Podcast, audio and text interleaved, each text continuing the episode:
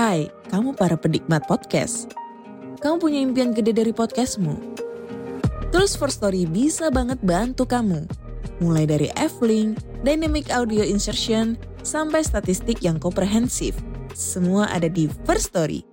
Gak ketinggalan kamu bisa monetisasi podcastmu lewat iklan dari First Story Ads yang bisa kasih kamu penghasilan dari setiap place podcastmu.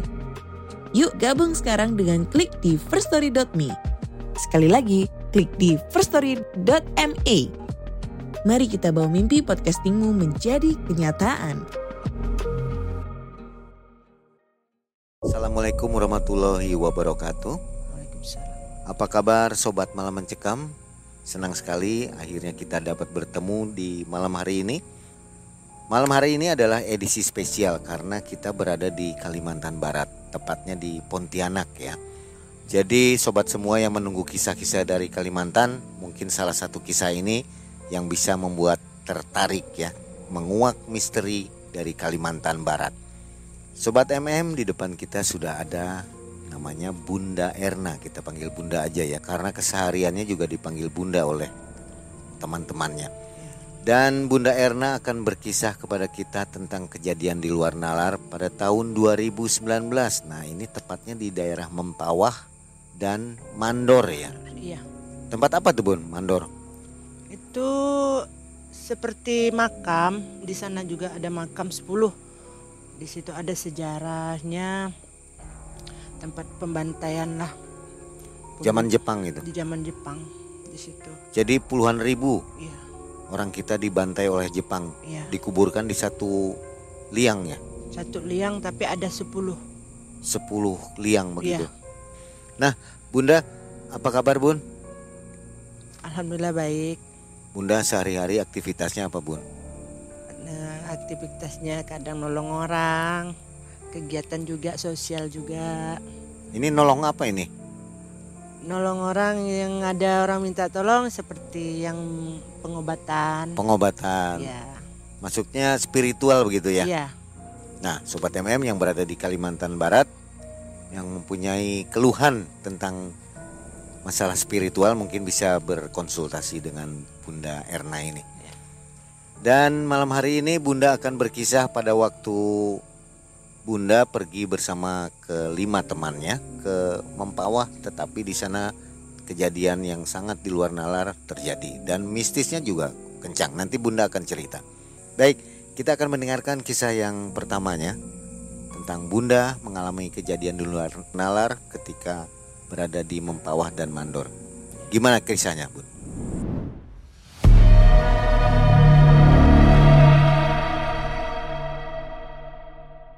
Di tahun 2019 waktu itu adik ngajak ziarah ke Mempawah.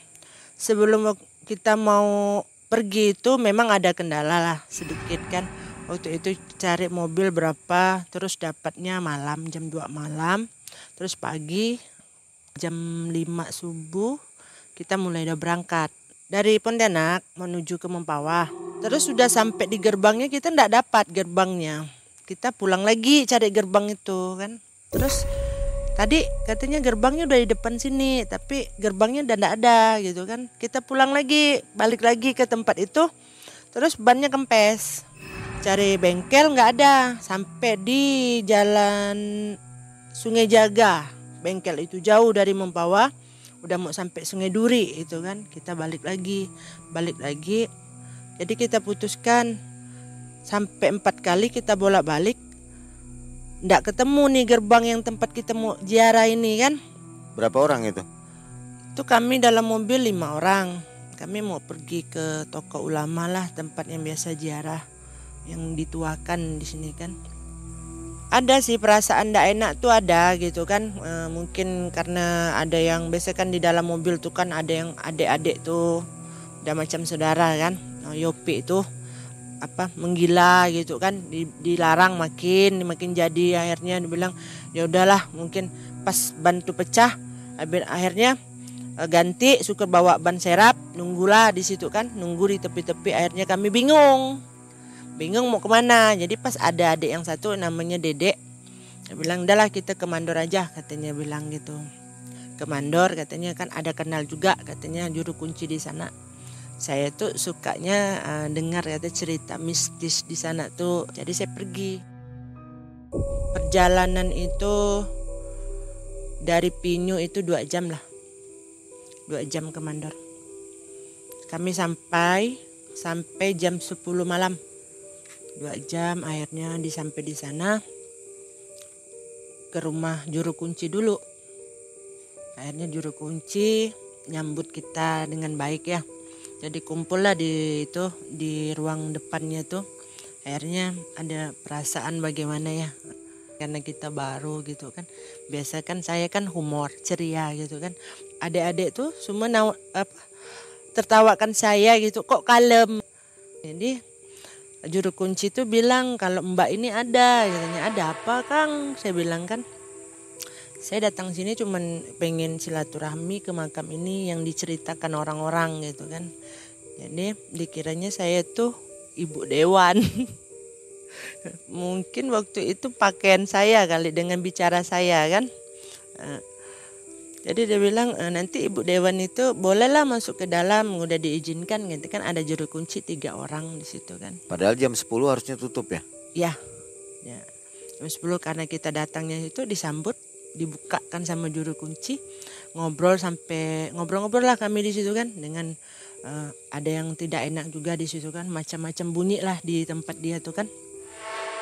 Akhirnya jam sampai jam 11 jam 11 kami masuk mobil saya masuk mobil yang juru kunci yang punya rumah itu sama adik pakai motor dia jalan duluan terus yang juru kunci yang itu dia jalan yang nomor duanya tidak lama mobil saya belum jalan. Ada yang juru kunci yang satu, Kang mau ke mana? Saya bilang kan, mau ke sini Mbak katanya. Lewat ini kan uh, di belakang katanya.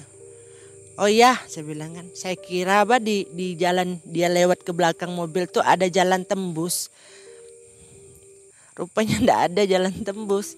Waktu pas masuk udah buka gerbang, kita kasih salam dulu lah ya yang yang setahu saya gitu kan udah saya kasih tahu cuman saya di dalam mobil itu saya lihat kok suasana angin itu tenang semua kan udah tenang terus kok saya disambut sama yang makam di situ tuh disambut. Dia nyambut saya tuh berderetan kiri kanan gitu. Dia nengok kan jadi ada adik juga yang bisa lihat kan. Jadi bilang kok katanya kalau apa sih bahasanya biasa kan kalau misalnya kita tidak diterima kan barang-barang itu kan marah atau apa kan. Ya itu bagus. Jadi akhirnya saya kasih salam saya turun dari mobil ke makam yang pertama. Terus diceritakan lah katanya makam ini satu ini katanya uh, di makam ada 300 orang katanya. Dipenggal semua katanya bilang itu. Terus saya naik mobil lagi jalan uh, mobil. Kan agak satu makam itu agak jauh. Naik turun lagi. Pas makam antara makam dua dan tiga saya itu punya firasat. Saya bilang makam ini tidak mau tidak mau di apa di kamera ataupun di foto gitu.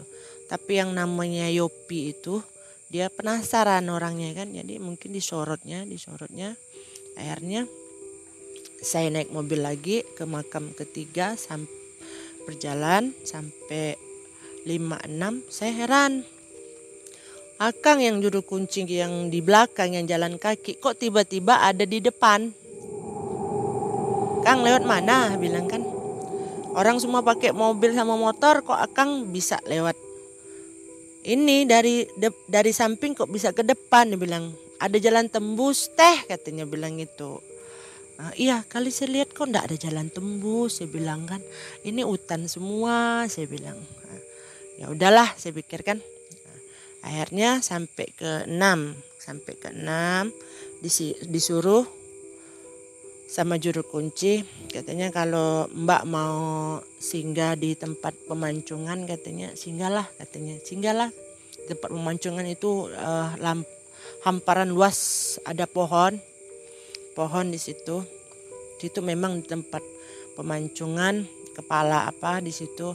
Akhirnya waktu itu saya hanya ingin sedekah apa wangian setanggi satu saya kasih satu terus dia bilang katanya uh, letakkan setanggi itu terus ambil apa yang bisa di pohon itu. Saya ambil serbuknya begitu saya ambil saya dibukakan dibukakan seperti uh, goib gitu. Di situ tuh kayak perumahan kayak apa kayak kampung sebuah kampung tempat tinggal yang dulu yang sebelum meninggalnya di Pancung gitu kan di situ saya saya lihat di situ tuh nangis. Saya lihat semua orang dipancung semua di sini katanya. Cuman di belakang pemancungan ini ada memang sebuah kampung saya bilang gitu kan. Situ itu ditangkap semua. Dia bilang itu uh, memang ditunjukkan kejadian itu terus suruh ambil barang ambil bawa pulang. Cuman kita ambil bawa pulang saya pegang saya pegang bungkus dengan tisu kalau mau tapakuran atau interaksi di situ boleh katanya karena eh, jam sudah malam kan? Tidak enak juga sama juru kunci yang ngantar. Jadi ya udahlah saya bilang nanti lagi lah saya ke sini saya bilang gitu. Tapi waktu itu batasnya kita mau ke 7 ke 8 kan ada model jalan tikungan gitu kan? Itu kami naik naik mobil mau ke 7 ke 8 udah tidak mampu. Jadi pakai mobil kami lewatkan lah yang 7 8 9 kan jadi waktu antara 8 dan 9 itu memang ada suara yang manggil. Manggil suara saya noleh noleh kayak gitu kan. Saya lihat ya udahlah mungkin nanti mau pulangnya saya bilang. Jadi kami kan memang tujuannya ke makam 10 makam 10 itu katanya di situ makam raja-raja lah kan? Cuman di makam itu memang tidak rame. Macam yang 1 2 3 4 5 sampai 9 itu tidak rame. Nah, Cuman katanya waktu itu kita dibukakan juru kunci, kasih salam, duduklah rame-rame di situ uh, kirim doa. Saya duduk di tepi kan ada lubang, lubang sebesar ini. Saya duduk di situ. Uh, adik saya Hasan, terus Mbok Mel, Derry, Cupe, juru kunci. Jadi waktu pas saya mau kirim doa, begitu. Saya itu saya tuh dikasih koda suruh ke tepi lubang itu saya nggak mau. Saya suruh suruh Asan maju Asan takut. Karena di situ kan yang di makam sepuluhnya itu kan uh, ada nama juga. Nah, diceritakanlah sama juru kunci katanya di sini nih yang utuh suami istri katanya. Untuk semuanya semuanya dipancung semua. Yang itu aja yang ndak bisa utuh mayatnya gitu bang di situ. Jadi waktu saya pejam mata itu ada sesosok laki-laki dia lengkap dengan seperti apa pakaian pangeran atau raja lah ya. Tidak nah, pakai baju duduk depan saya tuh ada Jepang menggal kepalanya tuh waktu dipenggal saya bikin terkejut. Kepalanya tuh jatuh di tempat saya duduk. Darah dia tuh nyembur ke muka saya gitu kan. Jadi saya bukan takut malahan saya sedih. Berarti uh, tragisnya waktu itu pembunuhan itu. Kisah itu tuh dilihatkan ke saya gitu kan. Di situ akhirnya saya nangis. Selesai tapakuran apa mbak katanya kalau dikasih oleh-oleh ambil jak enggak saya enggak mau saya bilang gitu karena setiap orang itu kan banyak mau ngambil di situ ya. Katanya di situ kan ada harta karun atau apa kan ada kapal juga tenggelam di situ kan. Harta yang ditenggelamkan. Ada selesai semua. Begitu saya berdiri di pintu juru kunci yang jalan kaki tadi dia bilang dia nyambut saya. Nah, dia bilang mbak katanya saya lihat wajah juru kunci itu bukan sesosok dia. Saya lihat itu sesosok seperti namanya itu Sarip Sam. Kalau di Jawa itu namanya uh, Kang Dadal kah? Yang rambutnya kedal itu. Jadi dia bilang, "Mbak dari Pajajaran ya?" Dia bilang. Saya jawab, "Iya." "Kenapa, Kang?" Saya bilang. "Mbak katanya keturunannya ada di makam sembilan katanya." Yang tadi panggil saya kak, iya kalau Mbak mau pulang katanya Mbak disuruh pamitan dulu katanya di situ. Emang Bunda ini ada keturunan Sunda atau bagaimana? Katanya sih adalah nenek moyang gitu gitu kan. Jadi waktu itu kan saya kan disering dikasih mimpi yang dari pajajaran itu.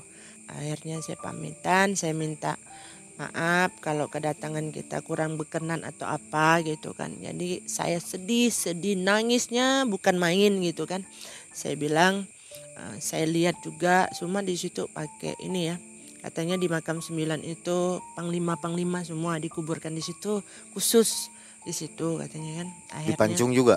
Dipancung juga di situ.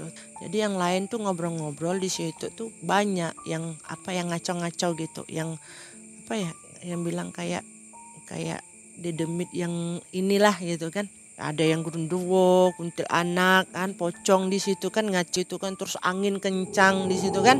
Akhirnya saya bilang, udahlah tutup aja saya bilang. Kita kan datang sini niatnya baik.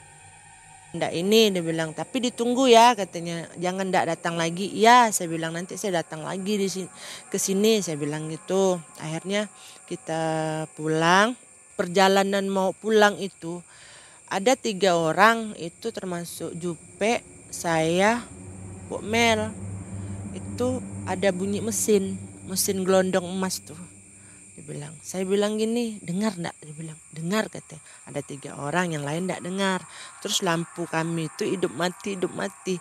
E, mobilnya kada berapa kali itu ada mogok juga dengan takut juga kan gelap kan jadi sampai ke rumah kami itu pulang jam 12 lewat lah. Dalam perjalanan itu hampir mobil kami juga terbalik juga kan. Kenapa itu? Nggak tahu tiba-tiba lari, mobil tuh lari ke tepi. Terus saya kasih salam.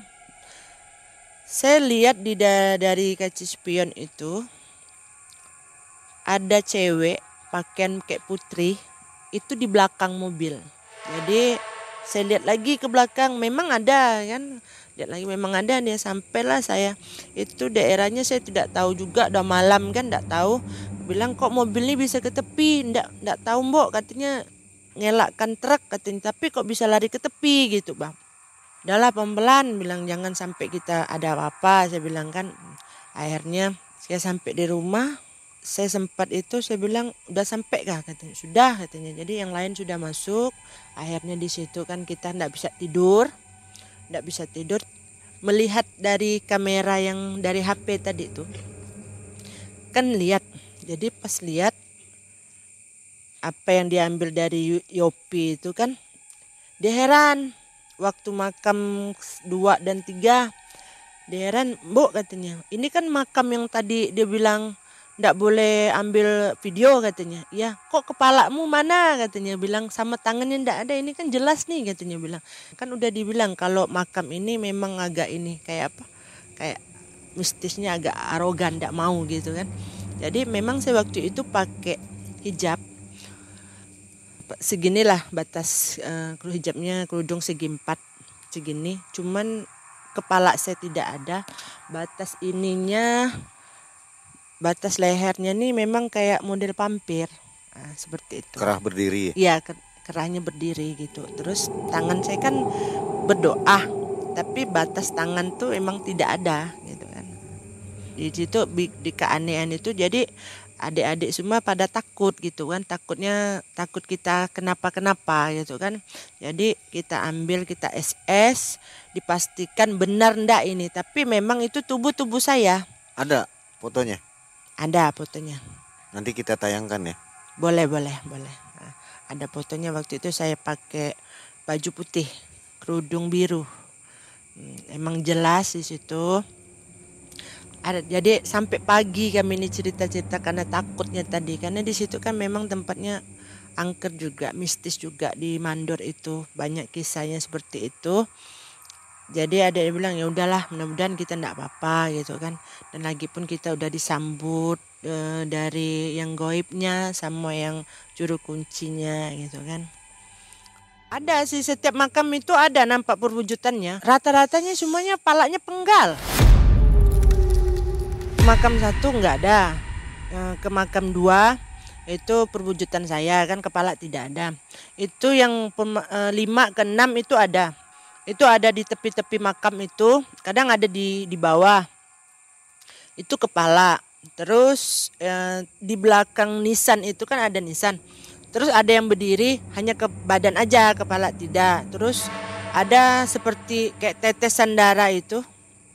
Di belakang itu ada yang lihat juga di 7 sama 8 waktu itu pas disorot gitu dapat pemancungan itu. Semuanya sih tidak ada kepala sih Kalau teman-teman lain lihat nggak?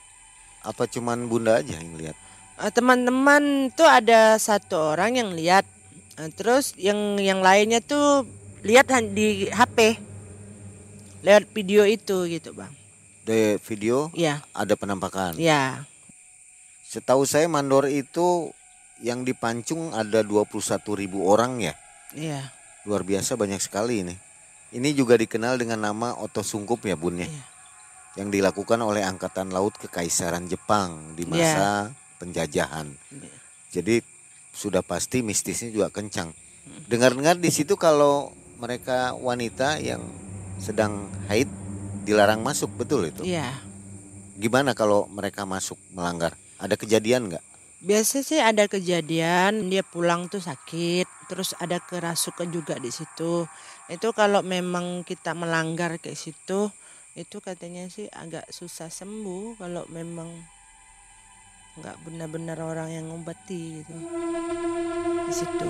Karena kan di situ kan di tempatnya bersih juga kan. Biarpun di situ eh, yang kita lihat memang tragis pembunuhannya gitu kan. Maka banyak kejadian atau orang eh, masuk tanpa izin di situ tetap pulangnya tumbang.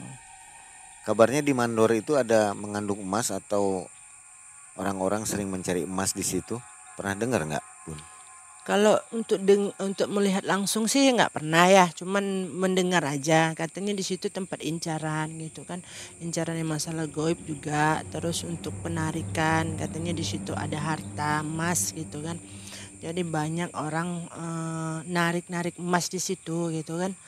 Tapi saya dengar ada yang berhasil, ada yang tidak, tergantung dari izinnya gitu bang.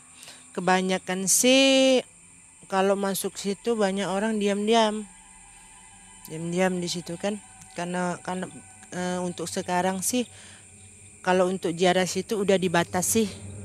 Udah nggak boleh malam lagi. Malam tutup, tutup. Nggak boleh masuk lagi gitu ya. batasnya sampai sore aja.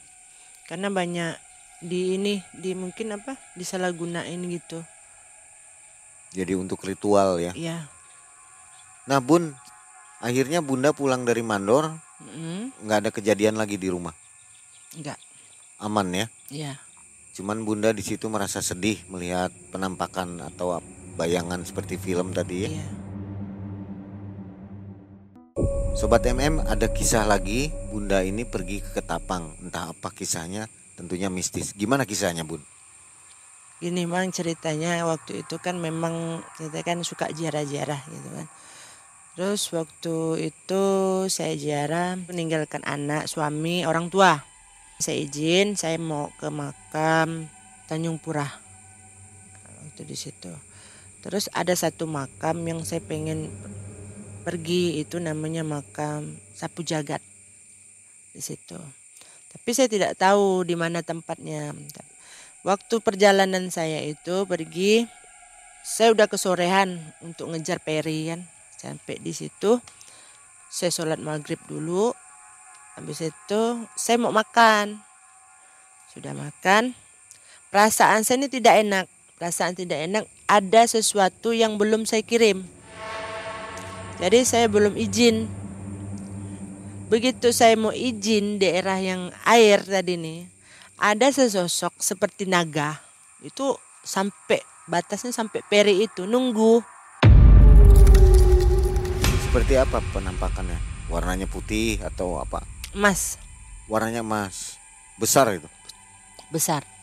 Sempat berapa lama? mungkin dia lihat saya udah ada berapa lama sih ada berapa menit gitu kan. Karena saya posisi saya ngadap ke depan.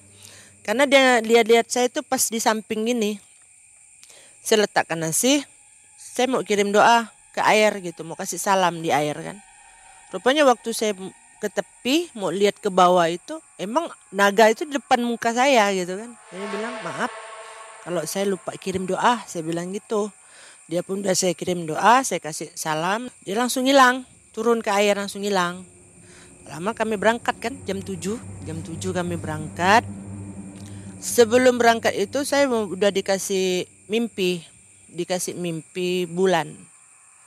Di bulan itu bulan 14 saya tidak tahu pas hari itu pun bulan purnama bulan yang 14 juga. Dalam perjalanan itu eh, saya tidak bisa tidur tidak bisa tidur. Sampai batas muara itu saya tidak tahu juga di batas pas keluar dari itu mau ke ke sungai besar lah ya. Saya tidak tahu daerahnya saya dipanggil sama adik namanya Iqbal. Ah, Mbok katanya. Mbok tidak bisa tidur bagus kita turun. Ini cantik bulan nih Mbok katanya. Ini bulan purnama katanya. Saya lihat saya turun ke bawah. Itu saya ambil motor saya tepikan motor saya lihat ke belakang, saya lihat ke belakang, saya lihat sesosok di dalam air itu sebesar apa? tongkang. Dia tuh seperti buaya, besar badannya. Jadi saya lihat ini benarkah saya bilang gitu kan. Dia tuh waktu saya lihat dia nyelam. Waktu saya saya tidak lihat timbul gitu. Pas di belakang peri.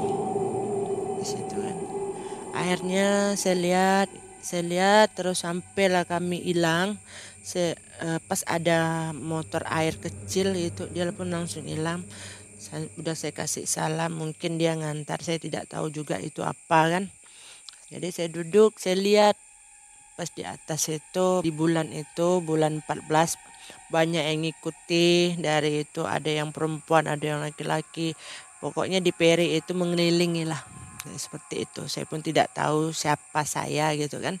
Tapi memang saya tuh ada yang ngikuti gitu. Ada yang juga lengkap dengan kayak putri terus ada juga yang pakai sorban gitu kan. Akhirnya saya tidak bisa tidur. Saya tidak bisa tidur jadi sampai pagi saya tidak bisa tidur. Saya menikmati bulan itu. Akhirnya karena dingin jam 5 subuh saya naik. Sudah mandi sudah apa sudah sampai ke Ketapang. Akhirnya saya pingin kasih salam. Saya kan tidak pernah mijak ke tapang saya kasih salam.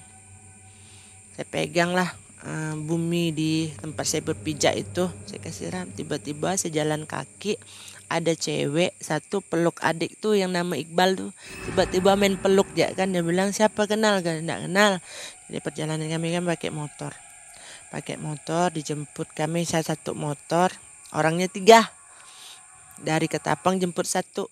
Istirahatlah di rumah abang tuh di situ kan jadi ceritakanlah apa mau sini mau ziarah ke Tanjung Pura.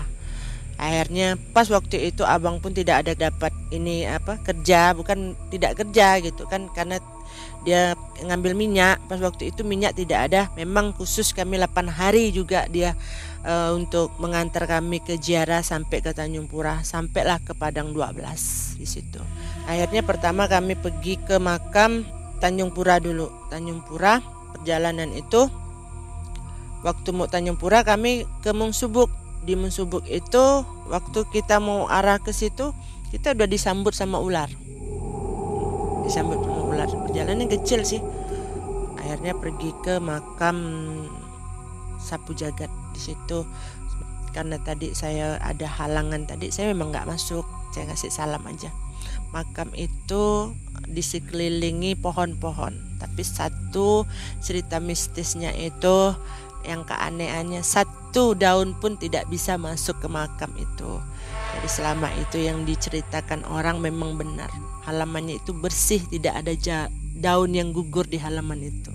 Halaman makam. Iya di situ. Saya hanya di luar adik adik saya masuk sholat apa di situ sama Jupe juga dia masuk situ kami di luar. Waktu kami di luar saya lihat monyet kerak.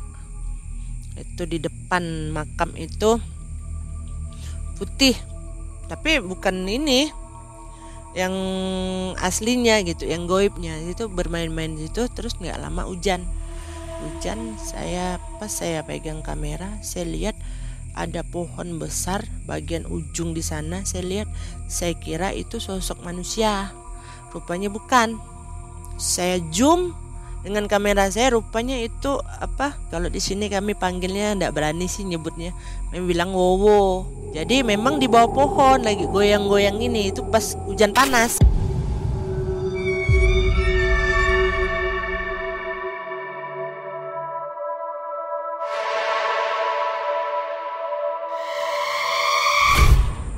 Akhirnya waktu itu kita dipanggil sama yang goib situ memang ada sumur katanya. Di situ cerita mistisnya yang penguasanya lah di situ. Nah, namanya Putri Junjung Bui. Di situ. Tadi kami disuruh ke kolam kami kasih salam. Saya saya nggak berani tadi kan karena saya ada halangan. Saya suruh cupe ambil tanah situ. Ambil tanah bawa pulang saya bilang. Bawa pulang. Akhirnya kami ke sampai ke makam Tanjung Pura. Nah, yang lainnya pada masuk saya di luar aja. Katanya waktu sebelum masuk makam itu memang ada yang jaga gitu kan. Kalau kita tidak salam di situ itu memang memang tidak bisa pulang. Perjalanannya memang jauh. Tidak ada kampung atau rumah orang di situ perjalanannya tuh. Waktu jalan itu tanah merah perjalanannya uh mobil aja sampai kami itu nyusun jalan pakai kayu biar bisa lewat gitu. Jadi sampai di situ udahlah udah mereka ziarah apa saya duduk di luar. Duduk di luar, saya nunggu udah selesai. Udah selesai, akhirnya kami pulang. Pulang pelan-pelan lah kan. Pelan-pelan jadi waktu itu istrinya abang tadi tuh yang ngantar tadi kan uh, uh, apa semua yang ada di situ tuh ditegur ditegur katanya. Saya ini dalam hati saya nih di sini tidak ada kampung, tidak ada rumah orang, tapi mobil bagus-bagus di tepi-tepi itu, bagus-bagus tapi orangnya mana? Saya bilang kan. Jadi istrinya bilang, "Bang," katanya, "ini orang nih katanya ngapa ada mobil nih katanya mana orangnya?" katanya kan. Ih, kata kata suami, "Cobalah mulut kau tuh diam," katanya kan. Perasaan saya ini ndak enak. Kok kami ini udah berjam-jam ndak keluar? Ini kayaknya kita nih masuk dimensi lain nih. Masuk di dimensi lain. Dalam hati saya ini ya Allah eh, keluarkanlah kami keluarkanlah kami kan? Dia bilang gitu kan. Sekali saya lihat tadi adik saya ini hilang di, di belakang nih kan? Pakai motor. Saya lihat mana? Jadi tunggulah bang. Saya bilang jangan ditinggal nih mereka nih. Bukan apa takut ada apa-apa jadi waktu itu pas nunggu, kami lihat kita di mobil tuh, tahu-tahu mobil itu hilang. Dia melihat kami hilang, saya pun melihat dia pun tidak ada di belakang dua motor ini, kan? Jadi begitu saya duduk, ya tenangkan dulu lah diri bang, dia bilang kayaknya suaminya udah tahu nih kita masuk dimensi lain nih kan. Jadi udah saya tenang, akhirnya akhirnya kami itu datanglah uh, adik saya sama Jupe itu, dia ketawa, ketawa-tawa, apa kak apa? Kalian tahu tawa bilang itu kan. Dengar ndak tadi mbok katanya? Tadi tuh katanya waktu kita berjalan tuh dengar ndak musik katanya? Orang nyanyi katanya karaokean.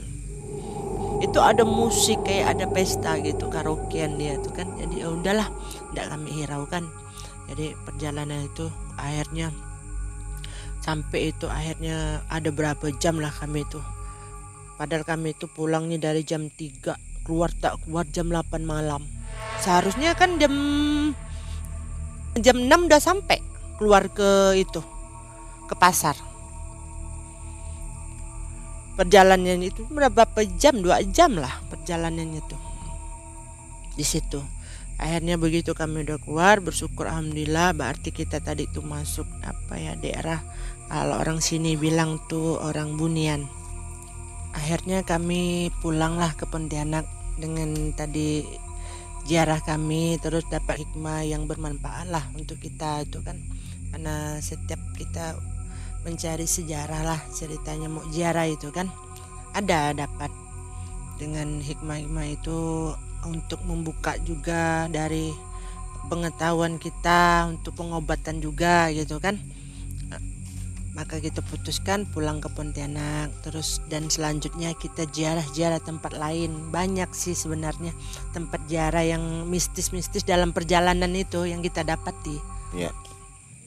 Jadi hasil dari ziarah itu menambah pengetahuan ya. dan juga ilmu spiritual untuk bunda mungkin begitu? Ya.